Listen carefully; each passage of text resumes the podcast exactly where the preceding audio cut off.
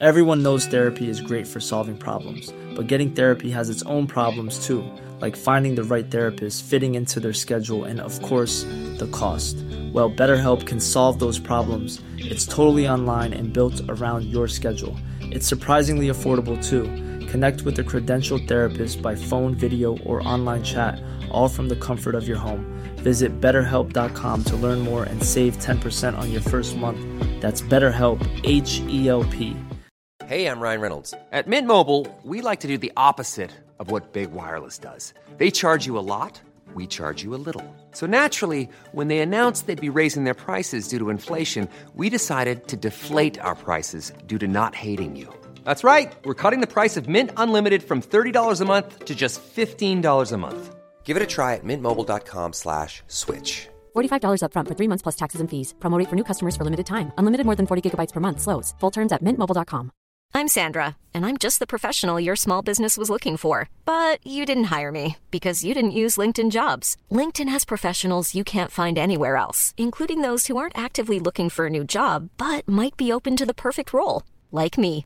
In a given month, over 70% of LinkedIn users don't visit other leading job sites. So if you're not looking on LinkedIn, you'll miss out on great candidates like Sandra. Start hiring professionals like a professional. Post your free job on linkedin.com/people today. Helt siden de første menneskene slo seg ned i Trøndelag, har det blitt observert underlige lys over Hessdalen.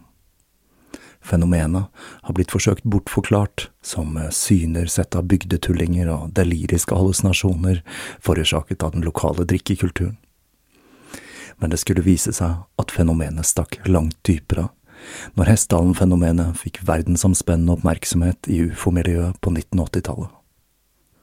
Fenomenet er fremdeles der, og det er fremdeles like uforklarlig som den gang. I 2024 kommer en podkastserie i seks deler, produsert av Project Hessdalen, som kanskje en gang for alle skal finne svar på hva som rører seg på himmelen i denne bortgjemte dalen i Trøndelag. Serien har som seg hør og bør fått tittelen A Blaze in the Northern Sky, og den kommer til din favorittpodkastavspiller i 2024.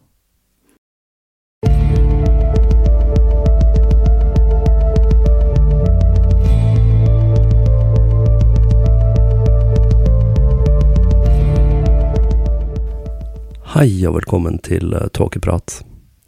Jeg heter Even, og når jeg tar opp denne episode 203, er det onsdag den 16. november 2022. Endelig var tiden inne for denne andre delen i serien om Edgin, mer enn en uke etter den opprinnelige planen. Ansatte på landets barneskoler jobber midt i smørøyet der bakterier og virus koser seg som mest. Sykdom på høsten er liksom bare en del av jobben. Men i år, etter noen år med pandemi og generelt god håndhygiene, har våre venner mikroorganismene, eller den usynlige fienden om du vil, slått tilbake med fornyet kraft. Sist uke satte jeg hva jeg tror er en personlig rekord i luftveisinfeksjon. Og det hele toppet seg for meg da jeg onsdag kveld kjente et skarpt stikk i høyre øre, fullt av høy, hvit støy. Jeg tenkte med meg selv at kanskje trommehinnen hadde sprekt, og da jeg våknet neste morgen, opplevde jeg noe skikkelig bisart. Alle stemmer var forvrengt. For de av dere som driver med lyd, så kan jeg beskrive det hele litt som om det ene øret var ute av fase med en litt annen pitch enn det andre, så alle stemmer hørtes ut som demonene i Evil Dead, eller aliensene i Mars Attack, som du vil. Etter et besøk hos legen fikk jeg vite at det hele kun dreide seg om en betennelse, og ikke sprekt trommehinna, så det var da noe fram til jeg et par dager senere fikk katarr i det ene øyet, så det formelig rant over av verk. Jeg må jo si at allmenntilstanden har vært en smule redusert den siste tiden. Jeg går ut ifra at jeg ikke er den eneste der ute som har hatt et ublidt møte med basillusker denne høsten. Og for dere som enda ikke har fått møte høstens bakterie- og virusstorm, så er det bare å glede seg.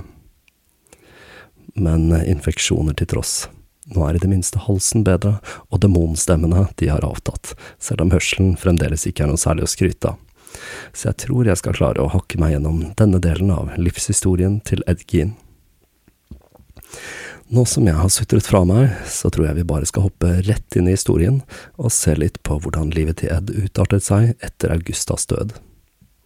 Det begynte nemlig å skje noen urovekkende ting i bygda, men ingen kunne forestille seg at den enfoldige Ed hadde noe med saken å gjøre.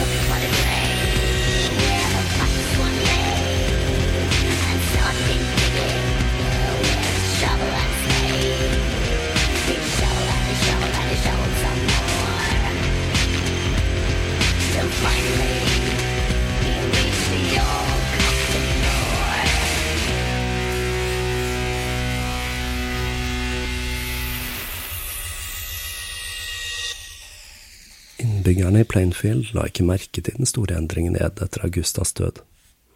Han var den samme lavmælte, litt keitete fyren han alltid hadde vært, og han var fremdeles like høflig og hjelpsom. Han var faktisk langt over gjennomsnittet hjelpsom, selv for et lite amerikansk bygdesamfunn på femtitallet. Han sa alltid ja til å ta i et tak, enten det dreide seg om vedhogst, et ærend som måtte gjøres, eller han ble tilbudt muligheten til å sitte barnevakt. Men det var noen ting som hadde endret seg. Eddie hadde aldri vært særlig flink til å kle seg, men nå fremsto han som enda mer sjuskete enn tidligere.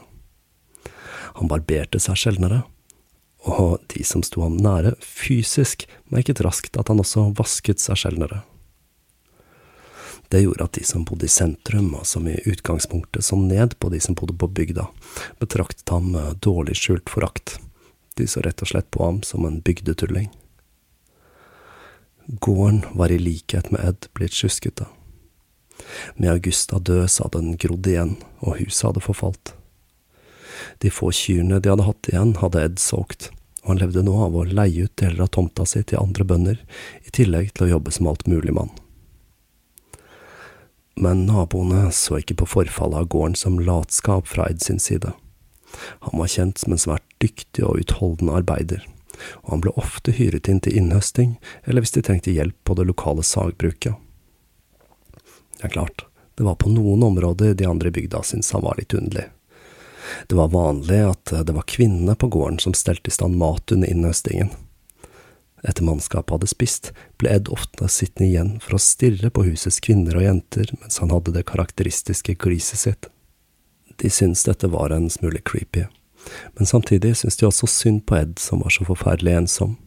Og det virket ikke som om han stirret ut av mangel på respekt, for straks en av kvinnene stirret tilbake, spratt han opp fra stolen sin og tok med seg tallerken og bestikk og skylte det i utslagsvasken, noe ingen av de andre mannfolka gjorde.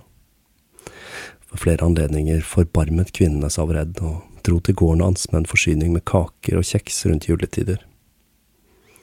Mennene hadde ikke den samme omsorgsfølelsen for Ed, og han ble til eh, stadighet utsatt for practical jokes. Det var noe feminint med Ed, syntes de. Ikke bare virket han veik, selv om de visste at han dugde fysisk, men han sa til stadighet at han ikke tålte synet av blod, noe som var litt underlig siden han hadde vokst opp på en gård og drev med jakt. Når det gjaldt jakt, var det bare småvilt Ed drev med. Han fortalte at han syntes hjortejakt ble litt for mye, nettopp fordi han følte seg dårlig når han så blod. Det var en ting til som gjorde at jeg syntes dette med avsmak for blod var litt underlig. For det var en ting Ed Gein var veldig opptatt av, og det var pulplitteratur. Dette er et fenomen vi kjenner godt til her i Tåkeprat. Pulpmagasinene, som ble oppkalt etter den dårlige papirkvaliteten de var trykket på, og som var arnestedet for forfattere som HB Lovecraft, Robert D. Howard og den tidligere nevnte Robert Bloch. Groteske krimhistorier og kannibalfortellinger var blant favorittene, og de få gangene han var i selskap med andre menn, fortalte han gladelig om de nyeste drapene han hadde lest om i favorittmagasinene sine, som Inside Crime og Man's Action. Etter å ha googlet litt etter de magasinene, må jeg jo si at jeg gjerne skulle slått kloa i et par eksemplarer, for dette er virkelig femtitallet på sitt minst politisk korrekte. Jeg fant blant annet en forside hvor to damer i bikini blir torturert av nazister med et stort svastika i bakgrunnen, prydet med en blurb fra New York Times hvor vi kan lese The Most Feverishly Deviant Western Fantasies. Det var andre tider, da, og dette var sikkert utmerket lesning for Ed Gein. Han forsøkte seg også på å snakke om damer med de andre mannfolka, men de reagerte på at Ed hørtes mer ut som en uerfaren skolegutt enn en mann i 40-åra. Det var åpenbart at Ed hadde liten praktisk erfaring med det motsatte kjønn. Men det var sjeldent at han hadde sosial omgang med andre. Før om åra hadde han funnet på noe sosialt i Plainsville fra tid til annen, men nå tilbrakte han så mye tid alene som mulig i det øde, gamle, forfalne gårdshuset. Men det var ett unntak og det var Mary Hogans Tavern, som var en liten pub i Pine Grove som lå litt over en mil fra Plainfield. Ed hadde et litt anstrengt forhold til alkohol, siden faren hadde drukket seg i hjel, og moren han forgudet hadde vært strengt avholds. Men det var verken alkohol eller muligheten til å sosialisere seg som gjorde at han ble trukket til puben. Det var eieren selv, Mary Hogan, som sørget for at Ed dukket opp mang en kveld. Dette var en svært kraftig dame med tjukk tysk aksent, og best av alt, hun minnet Ed om mamma. I alle fall fysisk, forresten var den rake motsetningen. Hogan var en bareier og en rappkjefta en dertil. I tillegg hadde hun en mørk fortid, og de færreste visste noe særlig om henne. Det ble sagt at hun hadde vært skilt to ganger, at hun hadde tilknytning til mafiaen, og det ble til og med sagt at hun hadde drevet et bordell i storbyen. Det at Gud hadde vært så urettferdig at han hadde latt henne leve og tatt til seg Augusta, var noe Ed følte var en dyp urettferdighet. Innsiden av huset til Ed var blitt et rottereir. Med Augusta død så han ingen grunn til å holde det rent, og rot, avfall og skit hadde begynt å hope seg opp, noe rottene i huset satte stor pris på. Ed var ikke mye til kokk, så måltidene besto av hermetikk som han varmet på vedovnen, som også holdt varmen i huset på kalde vinterdager, siden han fremdeles ikke hadde fått innlagt verken strøm eller vann. Etter saken ble rullet ut i pressen, ble det sluppet bilder av det kaoset som regjerte i huset til Ed Gean, og her for noen uker siden kunne vi høre i nyhetene at en dame på 79 år her til lands hadde dødd i et hus som var fylt opp av skrot og møkk, og bildene vi fikk se fra det huset er ikke ulikt de pressen trykket av innsiden av huset til Ed Gean. Ed brukte bare to rom i huset. Kjøkkenet hvor han stelte i stand mat omgitt av hauger av skrot og møkkete kjøkkenredskaper, og soverommet, som var enda mer grisete. Her lå det hauger med søppel, tomme hermetikkbokser, verktøy, gamle ubrukelige instrumenter og skitne klær. Jeg for min del har nå sett mang en ungkarsleilighet som passer denne beskrivelsen ganske så bra, uten at vedkommende som bodde der, hadde gått helt av skaftet, riktignok. Det eneste som var i god stand i huset, det var våpenet hans.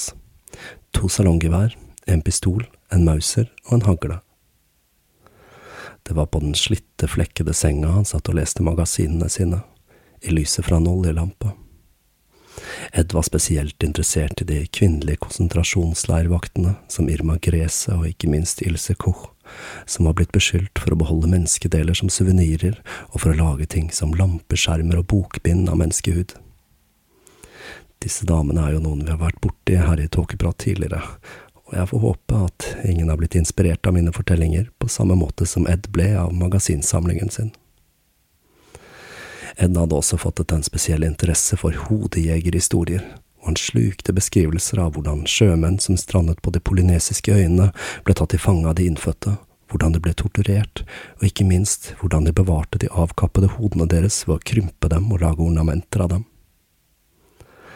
Et annet tema som fanget interessen hans, var historier om gravrøvere, slike personer som H.H. Holmes, som gro opp lik for å skaffe prøver til anatomistudenter, og også historier om menn som grov opp lik for å bruke dem til andre og mørkere formål. For nå er tiden kommet for å snakke litt om nekrofili.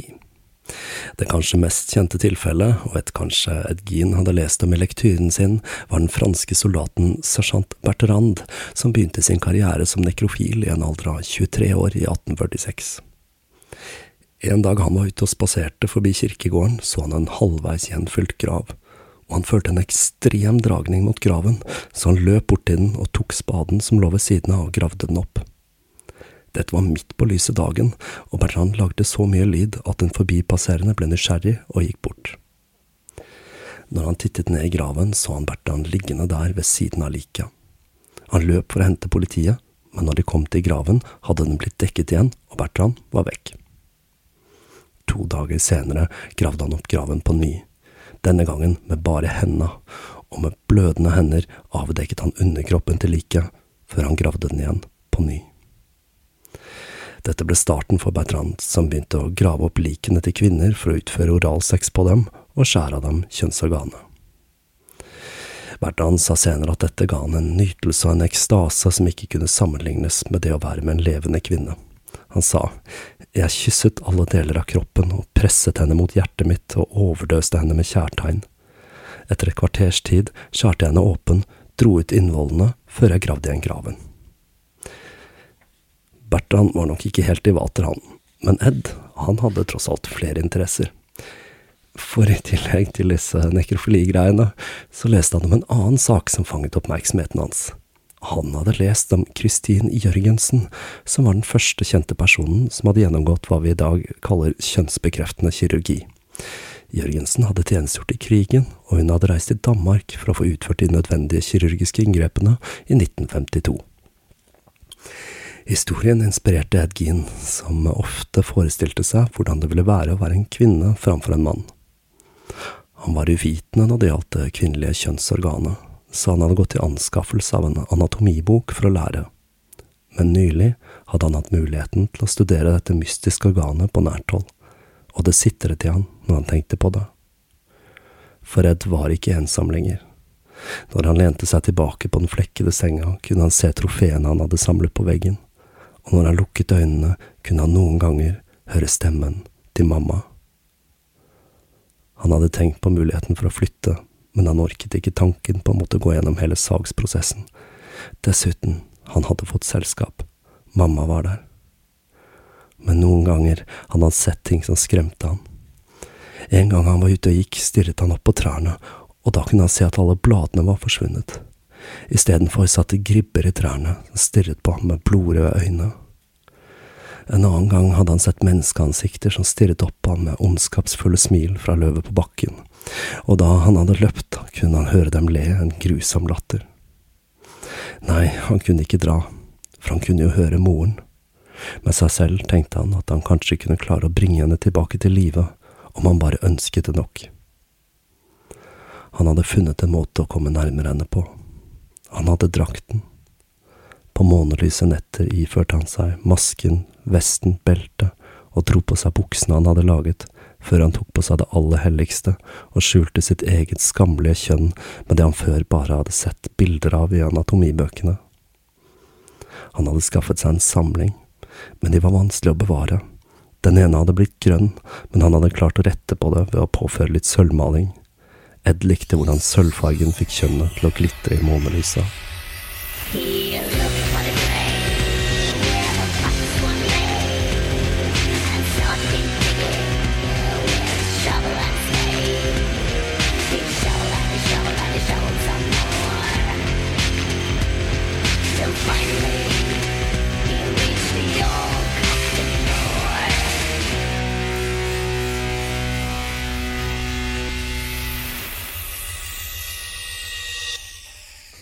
Over en tiårsperiode som begynte på slutten av 40-tallet, var Wisconsin plaget av en serie med mystiske forsvinninger.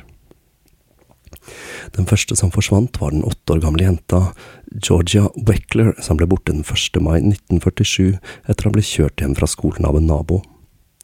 Den lille jenta åpnet familiens postkasse og vinket farvel til naboen når hun kjørte videre. Det var siste gangen noen så henne. Forsvinningen førte til at hundrevis av frivillige gikk manneguide på jakt etter jenta, og det ble skrapet sammen 8000 dollar i finnerlønn til den som kunne finne henne. Det eneste sporet de hadde å gå etter, var at det var blitt observert en svart Ford Sedan i nabolaget like etter jenta forsvant. Men til tross for en iherdig innsats fra lokalbefolkningen og en durabelig finnerlønn, så forble jenta borte, og avisene spekulerte i om forsvinningen skyldtes en pervers person siden ingen hadde krevd løsepenger for henne. Så skulle en tenåringsjente forsvinne på samme vis. Denne gangen var det Evelyn Hartley, en 15-åring som av og til satt barnevakt for venner av familien. Det gjorde hun også den 24. oktober 1953, når hun tok seg av det snart to år gamle barnet til en kollega av faren mens foreldrene var på fotballkamp. Evelyn hadde for vane å ringe faren i løpet av kvelden for å gi en statusrapport, men denne gangen hørte han ingenting, og han ble bekymret. Faren, Richard Hartley, forsøkte å nå datteren på telefonen, men hun svarte ikke, så bekymret satte han seg i bilen og kjørte dit. Når han kom frem, fikk han ikke noe svar når han banket på døren, og han begynte å undersøke vinduene. Gjennom det ene kunne han se noe som fikk blodet til å fryse til is i årene hans. Han så datterens briller og en sko liggende midt på stuegulvet, men det var ingen tegn til henne. Han fikk panikk og forsøkte å finne en vei inn, men alle dører og vinduer var låst. Da oppdaget han til sin forskrekkelse at det gikk noen fotspor som førte til et åpent kjellervindu, og det gikk et blodspor fra kjellervinduet og opp mot oppkjørselen. Hartley presset seg gjennom kjellervinduet, og der så han den andre skoen til datteren liggende på gulvet. Han løp opp i første etasje, og der så det ut til at det hadde vært et basketak, og han kastet seg over telefonen og ringte politiet. Politiet fant flere blodspor utendørs, inkludert et håndavtrykk. De satte inn ettersøkshunder, men de stoppet søket to kvartaler unna. Det var tydelig at jenta hadde blitt tvunget inn i en bil på parkeringsplassen der. Naboene fortalte at de hadde hørt et skrik ca. kvart over syv, men de hadde trodd det dreide seg om barn som lekte, sa de. På samme måte som åtteåringen hørte politiet aldri noe fra kidnapperen. Igjen ble det gått mannegard på leting etter jenta. Det ble gjort søk på alle tenkelige steder, alle Hey, I'm Ryan Reynolds. At Mint Mobile, we like to do the opposite of what Big Wireless does. They charge you a lot, we charge you a little. So naturally, when they announced they'd be raising their prices due to inflation, we decided to deflate our prices due to not hating you. That's right. We're cutting the price of Mint Unlimited from $30 a month to just $15 a month. Give it a try at mintmobile.com slash switch. $45 upfront for three months plus taxes and fees. Promo for new customers for limited time. Unlimited more than 40 gigabytes per month. Slows. Full terms at mintmobile.com. Everyone knows therapy is great for solving problems, but getting therapy has its own problems too, like finding the right therapist, fitting into their schedule, and of course, the cost. Well, BetterHelp can solve those problems. It's totally online and built around your schedule. It's surprisingly affordable too. Connect with a credentialed therapist by phone, video, or online chat, all from the comfort of your home. Visit betterhelp.com to learn more and save 10% on your first month. That's BetterHelp, H E L P. myrer og skogholt ble gjennomsøkt, men alt de fant var blodstengt undertøy av samme type jenta hadde hatt på seg, og et par blodige bukser som passet til en voksen mann. Til tross for det grundige søket, Evelyn var søkk vekk. Det var flere merkelige forsvinninger i den perioden. Den 1. november 1952 forsvant for eksempel to lokale jegere samt bilen de kjørte i, men den kanskje mest interessante forsvinningen for vår del var den til Mary Hogan, vår brautende tyske pubvertinne. Onsdag den 5. desember 1954 dro en bonde, Seymour Lester, til Mary Hogans pub for å leske strupen, men da han kom inn på puben, skjønte han med en gang at noe var galt. Det var helt stille og tomt der inne, og på gulvet kunne han se en diger pøl med blod. Seymour ringte umiddelbart politiet. Når de kom og undersøkte stedet, fant de en tomhylse fra en kaliber 32-patron ved siden av blodet. De la så merke til at det var spor i blodet, som om noen hadde blitt dratt igjennom det, og når de fulgte sporene, så de at de førte ut til parkeringsplassen. Sheriffen kontaktet etterforsker fra storbyen som gjennomsøkte establissementet på jakt etter fingeravtrykk eller andre spor, men de fant ingenting. Mary Hogan var sporløst forsvunnet. Et par dager etter forsvinningen til Mary Hogan snakket Ed med eieren av sagbruket, Elmo, som titt og ofte ansatte Ed når han trengte litt ekstra hjelp. Elmo visste at Ed hadde vært interessert i Mary, og han sa om du hadde brukt litt mer tid på å flørte med Mary, så kunne hun kanskje vært hjemme hos deg og lagd mat, framfor å ha blitt borte. Elmo skulle aldri glemme det underlige svaret til Ed. Ed så på han med sitt vanlige skeive smil og sa, Hun er ikke forsvunnet, hun er i huset mitt nå. Elmo tenkte ikke noe mer over det der og da, for Ed pleide ofte å komme med litt underlige kommentarer i hva som virket på, som forsøk på å være morsom. Og det var ikke den eneste gangen Ed skulle fortelle at Mary var hjemme hos ham. Når Mary Hogan var samtaleemne, pleide Ed å si at hun er ikke forsvunnet, jeg hentet henne i pickupen min og kjørte henne hjem.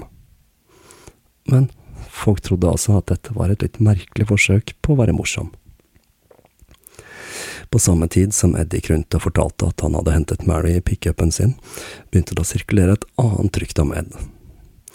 Det nærmeste Ed hadde en venn, var tenåringen Bob Hill, som noen ganger var med ham på kaninjakt, eller ble med når han sjelden tok en tur på kino, og Bob var en av de veldig få som hadde sett innsiden av huset til Ed. Sist han hadde vært der, hadde han sett noe som så ut som tørkede menneskehoder, og når han spurte Ed, fortalte Ed at dette var ekte hoder som en fetter hadde tatt med seg når han kjempet i Stillehavet under krigen. Det var også et par andre barn som hadde vært innom huset til Ed for å spille kort. Ed ba den ene gutten om å hente litt papir på soverommet, og når han gikk inn dit, kunne han se at det hang tre avkappede hoder på døra der. Gutten sa ikke noe, men når han og broren gikk hjem fra Ed, spurte han om hva det kunne være og storebroren sa at dette måtte jo dreie seg om dekorasjoner fra halloween. Etter den episoden så tok ikke Ed lenger imot besøk i huset sitt.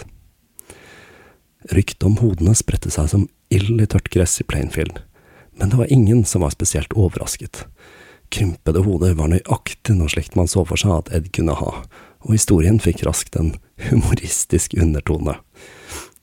Lærdommen vi kan ta til oss her, er vel at dersom det er mange mystiske forsvinninger i et område, og en nabo har uttørkede hoder hengende på veggen, så er det kanskje på sin plass å være lite grann paranoid. På den tiden så tenkte Ed igjen på å selge gården. To av naboene var på befaring i huset, men de så ikke noe spesielt når de var der. De var ikke inne på Ed sitt soverom, og det var ett rom i huset som var sperret av. Ed sa at dette kun var et gammelt kott fullt av skrot. Senere skulle det vise seg at Ed hadde spikret igjen rommet til Augusta, slik at det skulle forbli uberørt etter hennes død. De så altså ingenting spesielt når de var der, bortsett fra skrot og møkk. Huset var i tillegg veldig mørkt, siden Ed alltid hadde gardinene trukket for. Når de kom opp i andre etasje, fleipet den ene naboen og spurte om det var der han oppvarte de krympede hodene. Ed smilte bare litt til spørsmålet og svarte nei, de er i rommet over der. Året var 1957, det samme året Sovjetunionen sendte ut verdens første menneskeskapte satellitt, Sputnik 1. Hjortejakta i Wisconsin den samme høsten var som vanlig en ganske heftig affære, og i tillegg til 40 000 hjortebukker mistet 13 jegere livet den høsten. Elleve ble skutt av andre jegere, og to tok kvelden av hjertestans. Jakta var en stor begivenhet i Plainsville, og alle mannfolk som hadde muligheten, var ute i skogen den første uka i håp om å felle et dyr. Men det var ikke hjort Ed Gean tenkte på når han satte seg ved kjøkkenbordet den 16. november og planla dagen sin. Han tok på seg lua, satte seg i bilen og kjørte inn mot sentrum litt over åtte om morgenen. På veien stoppet han på en bensinstasjon og fylte opp en bensinkanne med parafin, før han kjørte det siste stykket mot det endelige målet, jernvarebutikken. Han tok med seg et tomt syltetøyglass og gikk inn i butikken Bordens, som var en av Plainfields eldste etablissementer. Butikken hadde startet med å selge seletøy tilbake på 1890-tallet, og på 20-tallet ble den drevet av to menn, Leon Warden og Frank Conover. Leon Borden hadde giftet seg med datteren til Frank, Bernice, og han hadde kjøpt ut Frank sin andel i butikken i 1929. To år senere døde Leon, og det var Bernice som overtok hele geskjeften. Bernice gjorde godt, og i 1956 ble hun som den første kvinne kåret til ukens innbygger i Plainfields lokalavis. Hun var 58 år gammel når Ed troppet opp med syltetøyglasset. Solid bygget og svært religiøs, i tillegg til å være en driftig forretningskvinne. Hun hadde utvidet sortimentet i butikken, og var nå den eneste i regionen som solgte internasjonalt produserte landbruksredskaper. Butikken var også Plainfields telegraf- og skysstasjon, så sønnen Frank jobbet i butikken, i tillegg til å jobbe både for det lokale politiet og brannvesenet. Men den dagen Ed droppet opp, den 16. november, var Frank, som alle de andre mannfolka i Plainsville, på jakt, noe han hadde fortalt Ed dagen før, og når Ed kom inn i butikken, var Bernice alene bak skranken. Mrs. Warden var ikke superbegeistret for Ed, Den siste tiden hadde han begynt å henge mer og mer på butikken, og han hadde til og med spurt henne om hun ville være med på den nye rulleskøytebanen som var blitt bygget i nabobygda. Men til tross for at hun syntes han var litt creepy, så hadde Gin-familien vært gode kunder i alle år, så hun behandlet ham med respekt. Bernice hadde regnet med at Ed kom til å komme innom denne lørdagen, for dagen før, når han hadde fått vite at Frank skulle på jakt, hadde han spurt om prisen på frostvæske. Hun fylte opp glasset han hadde med, og ga han en kvittering før han gikk ut døra. Men bare et øyeblikk senere kom han tilbake inn igjen. Han forklarte at han hadde tenkt å bytte ut Merlin-rifla han hadde, da denne bare kunne bruke kaliber 22 short, og han var på jakt etter en som kunne bruke flere typer 22-ammunisjon. Og for de som lurer på det, så er 22 short en kortversjon av 22 LR, eller long rifle, som er den ammunisjonen man stort sett bruker i 22-rifler, populært kalt salongrifler her til lands.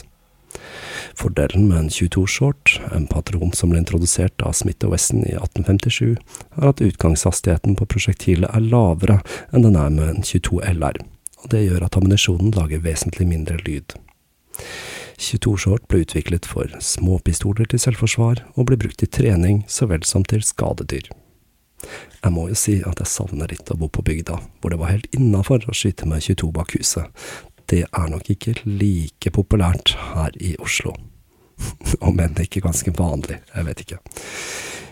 Men uansett, Bernice sa at denne typen våpen var hennes personlige favoritt, og hun lot han ta ned en rifle fra stativet for å se på den. Mens Ed undersøkte rifla, gikk Bernice over til vinduet, hvor hun kunne se svigersønnens nye røde Chevrolet, og hun bemerket at hun ikke likte det bilmerket. Mens hun pratet om pickupen til svigersønnen, drev Ed med helt andre ting. Han fisket ut en 22-patron fra lomma, ladet rifla og skjøt henne i bakhodet. Bernhard Muschinski, som jobbet på bensinstasjonen på den andre siden av gata, la merke til at lastebilen til Warden kjørte ut fra garasjen mellom klokka 8.45 og 9.30 og satte kursen østover. Han kunne ikke se føreren av bilen, men han var sikker på at det var en mann. Han gikk over til butikken for å sjekke om det var noen der, men den var tom og dørene var låst. Han tenkte med seg selv at Miss Warden hadde stengt litt tidlig siden det ikke var så mange kunder den dagen, men syntes det var litt underlig at hun ikke hadde skrudd av lysene. Elmo, mannen Ed hadde fortalt at Mary Hogan var hjemme hos han til, var ute på jakt den dagen. Han hadde klart å felle en hjort, men det var på eiendommen til Ed, og han visste at Ed ikke likte at det ble jaktet der. Han tenkte at det man ikke vet, har man ikke vondt av når han kjørte vekk med rådyret stroppet fast i bilen. Men så fikk han øye på Forden til Ed, som kom kjørende i en vill fart oppover veien. Han gjorde seg klar til å tilstå, men til hans store overraskelse durte bare Ed forbi mens han vinket ut av vinduet. Men ettersom dagen gikk, fikk Elmo dårligere og dårligere samvittighet, så rundt klokka tre dro han til gården til Ed for å be om unnskyldning. Da han kom dit, fikk han øye på Ed som lå på alle fire mens han skiftet dekk på bilen. Det var kanskje ikke så rart i seg selv, bortsett fra at Ed la om fra vinter til sommerdekk, og det var litt underlig, siden den første snøen alt hadde lagt seg. Men det var tross alt sånne merkelige ting Ed Gean pleide å foreta seg, så han tenkte ikke noe mer over det. Han forsøkte å unnskylde seg for å ha skutt på tomta til Ed, men Ed virket helt uinteressert så etter å ha småpratet litt, satte han seg i bilen og kjørte hjem. Et par timer senere kom Bob Hill og søsteren Darlene innom. Når de gikk opp oppkjørselen, kom Ed dem i møte. Hendene og armene hans var dekket av blod, og han forklarte at han holdt på å slakte en hjort, og han gikk inn for å vaske seg. Det at Ed ikke jaktet hjort, tenkte de tydeligvis ikke på. De to forklarte at de ikke fikk start på bilen på gården, og lurte på om Ed kunne hjelpe dem med å sette inn et nytt batteri. Ed dro til gården til de to, og når bilen var reparert, spurte moren i huset, Irene, om han ikke ville bli til middag. Det ville han gjerne, og han spiste med stor appetitt, for det hadde vært en begivenhetsrik dag. Klokken 17.00 den kvelden kom Frank Warden tilbake fra jakt, uten å ha felt noe dyr. Men det var fremdeles åtte dager igjen av jakta, så han hadde ikke gitt opp håpet. Han dro innom bensinstasjonen for å slå en prat med Muczynski, og det første han fortalte, var at han hadde sett lastebilen kjøre ut fra butikken, og han lurte på om moren til Frank også hadde dratt på jakt. Frank skjønte ingenting. Så vidt han visste, skulle hun holde butikken åpen hele dagen som vanlig. Han gikk over gata til butikken og oppdaget at døren var låst. Frank gikk hjem for å hente nøkkelen, og så snart han kom på innsiden av butikken, skjønte han at noe var galt. Kassaapparatet var borte, og på gulvet kunne han se rødbrune flekker og spor som førte ut mot bakdøra.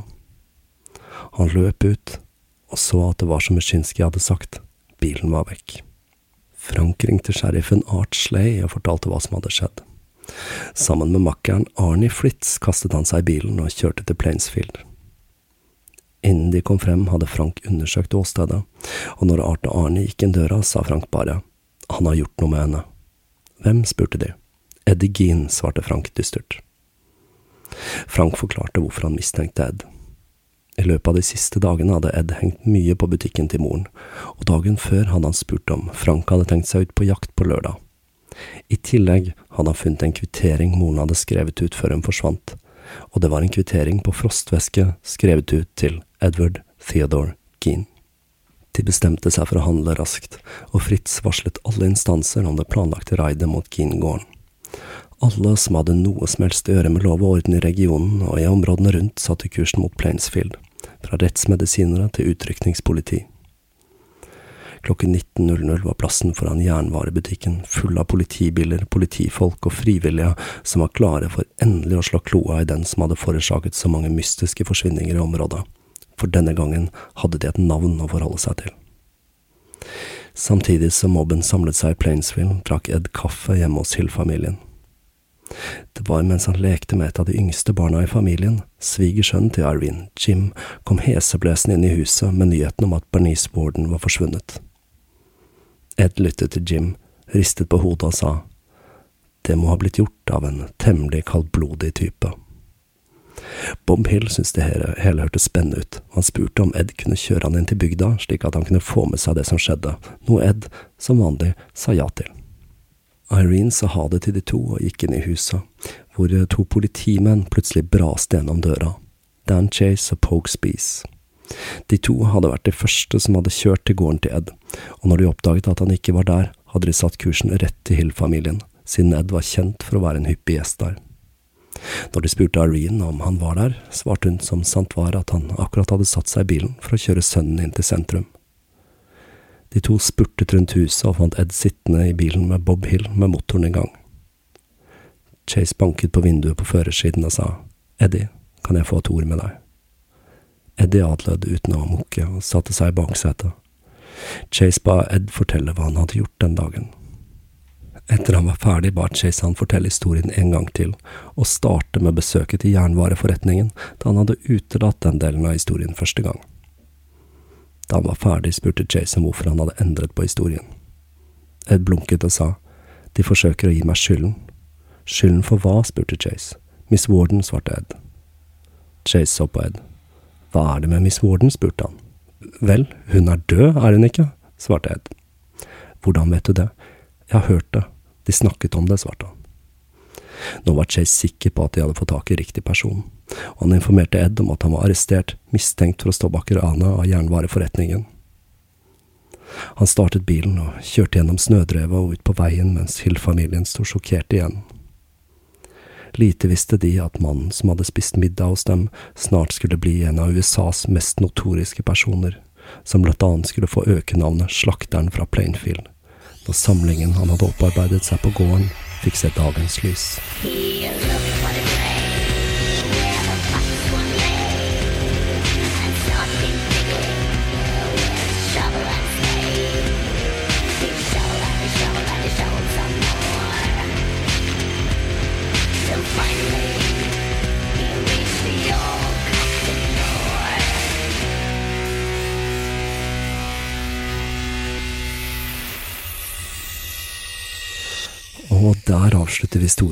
Ed Gean for denne gang.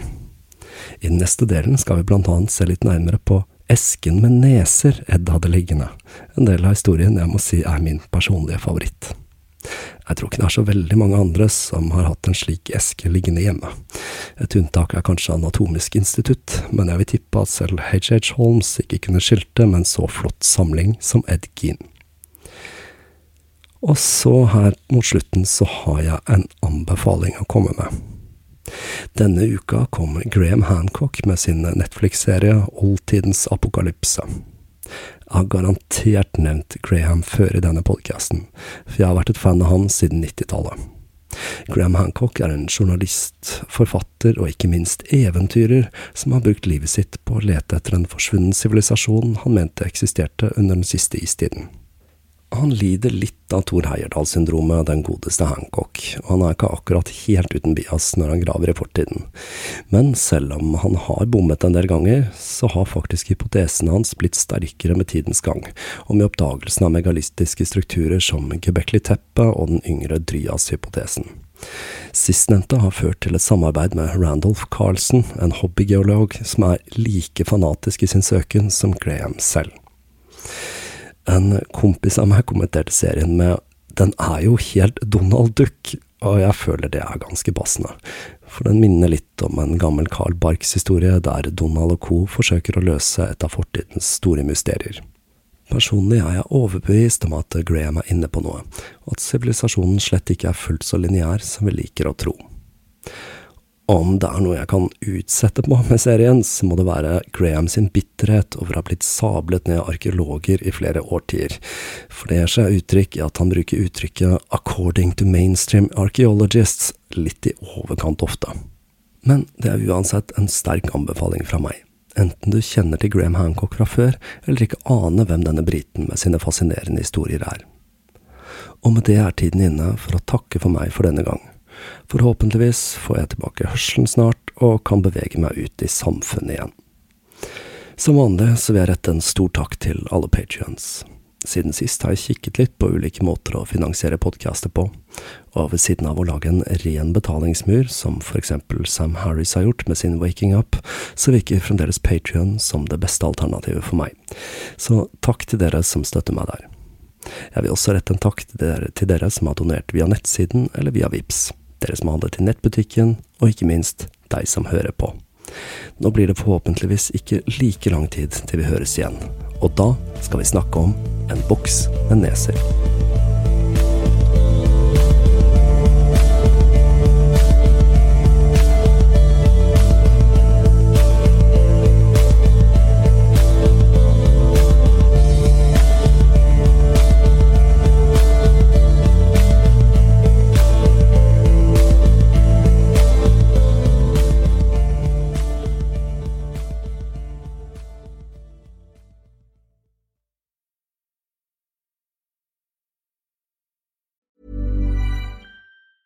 Hey, it's Danny Pellegrino from Everything Iconic. Ready to upgrade your style game without blowing your budget? Check out Quince. They've got all the good stuff shirts and polos, activewear, and fine leather goods, all at 50 to 80% less than other high end brands. And the best part? They're all about safe, ethical, and responsible manufacturing. Get that luxury vibe without the luxury price tag. Hit up quince.com slash upgrade for free shipping and 365 day returns on your next order. That's quince.com slash upgrade. Hi, I'm Daniel, founder of Pretty Litter. Did you know cats tend to hide symptoms of sickness and pain? I learned this the hard way after losing my cat, Gingy. So I created Pretty Litter, a health monitoring litter that helps detect early signs of illness by changing colors, saving you money and potentially your cat's life. Pretty Litter is veterinarian developed, and it's the easiest way to keep tabs on your fur baby's health right at home. Go to prettylitter.com and use code ACAST for 20% off your first order and a free cat toy. Terms and conditions apply. See site for details. Planning for your next trip? Elevate your travel style with Quince. Quince has all the jet setting essentials you'll want for your next getaway, like European linen, premium luggage options, buttery soft Italian leather bags, and so much more. And is all priced at 50 to 80% less than similar brands. Plus, Quince only works with factories that use safe and ethical manufacturing practices. Pack your bags with high-quality essentials you'll be wearing for vacations to come with Quince. Go to quince.com slash pack for free shipping and 365-day returns.